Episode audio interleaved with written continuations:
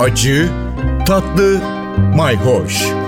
Yemek kültürü yazarı Aydın Öneytan'la bir tutam tarif, biraz da tarih. Merhabalar. Tarçın pek çok şeye yakışıyor dedik. Hatta en son yumurtada kalmıştık. Eskiden Ramazan'da yapılan soğanlı yumurtanın önemli bir malzemesi tarçın adeta olmazsa olmaz. Şimdi tarçının çok enteresan farklı uyumları var. Diğer baharatlarla da bir kere elbette sıcak baharatlarla e, ve özellikle tatlıya yakışan baharatlarla müthiş bir uyumu var. Yeni bahar olsun, küçük Hindistan cevizi veya muskat diye bildiğimiz cevizi bevva olsun karanfil olsun bunların hepsiyle son derece uyumlu. Fakat beklenmedik aklımıza gelmeyen uyumlar da olabiliyor. Mesela defne yaprağıyla son derece hoş bir birlikteliği var. Özellikle böyle papaz yahni gibi et yahnilerine ya da balık buğulamaya birlikte kullanılabilirler. Balık buğulamaya genellikle defne yaprağı koyarız. İşte bir çubuk tarçın da eklediğiniz zaman inanılmaz bir lezzet elde edebilirsiniz. Son derece değişik. Defne ile tarçının uyumunda da şöyle bir şey var.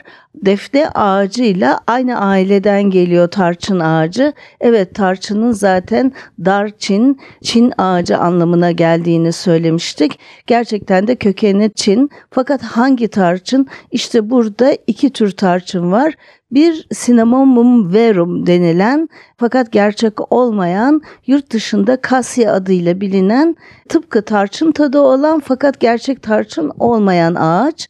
Diğeri ise Cinnamomum zeylanicum yani Seylan şimdiki adıyla Sri Lanka kökenli bir ağaç. Şimdi ağaç deyince ben Sri Lanka'da tarçın bahçelerine gittim. Nasıl üretildiğini gördüm. Tarçın ağacında belirli bir olgunluğa geldikten sonra ağacın dış kabuğu bıçakla çizilip e, çıkarılıyor.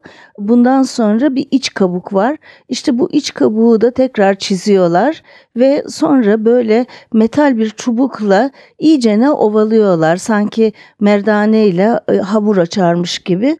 Ondan sonra o bir anlamda o iç kabuk ağacın dalından, gövdesinden ayrılıyor ve bu şekilde onu soyuyorlar. Adeta e, meyve soyar gibi bu incecik iç kabuk kendiliğinden kıvrılıyor ve kıvrık kıvrık bir görüntü alıyor. O şekilde kesilip kurutuluyor tarçın çubukları. İşte bu gerçek tarçın sadece Sri Lanka'da ve Seyşel adalarında yetişiyor. Buna çok benzer bir başka tarçın ise Endonezya'da var. Onun da tadı çok güçlü. Evet tarçın çeşit çeşit bizde genellikle tarçın diye satılan o Çin tarçını olan kasya. Fakat özellikle Seylan e, tarçınının insülini baskılamakta çok etkili olduğu söyleniyor. Sri Lanka'da bunu özellikle belirtiyorlar. Tarçından eğer fayda umuyorsanız mutlaka Seylan tarçını kullanmalısınız diye. Evet tarçının lezzet uyumlarına ve farklı özelliklerine bakacağız. Takipte kalın, hoşça kalın. Bir tutam tarih, biraz da tarif.